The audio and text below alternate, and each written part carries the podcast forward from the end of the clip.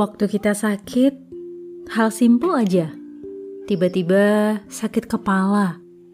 Kita berpikir, seandainya pusing ini tidak ada. Ternyata beberapa waktu lalu, saat sehat, itu nikmatnya. Atau tiba-tiba mati lampu, apalagi di malam hari. Hm, mau ngapa-ngapain aja susah. Terantuk inilah, itulah.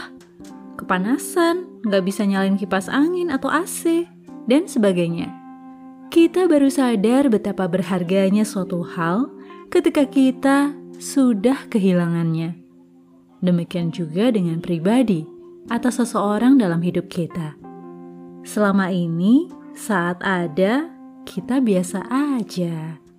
Yuk, belajar menghitung berkat Bersyukur hal-hal yang nampaknya sederhana, terlihat sepele, namun jangan sampai kita baru menyadari keberhargaan yang sebenarnya saat kita sudah kehilangannya.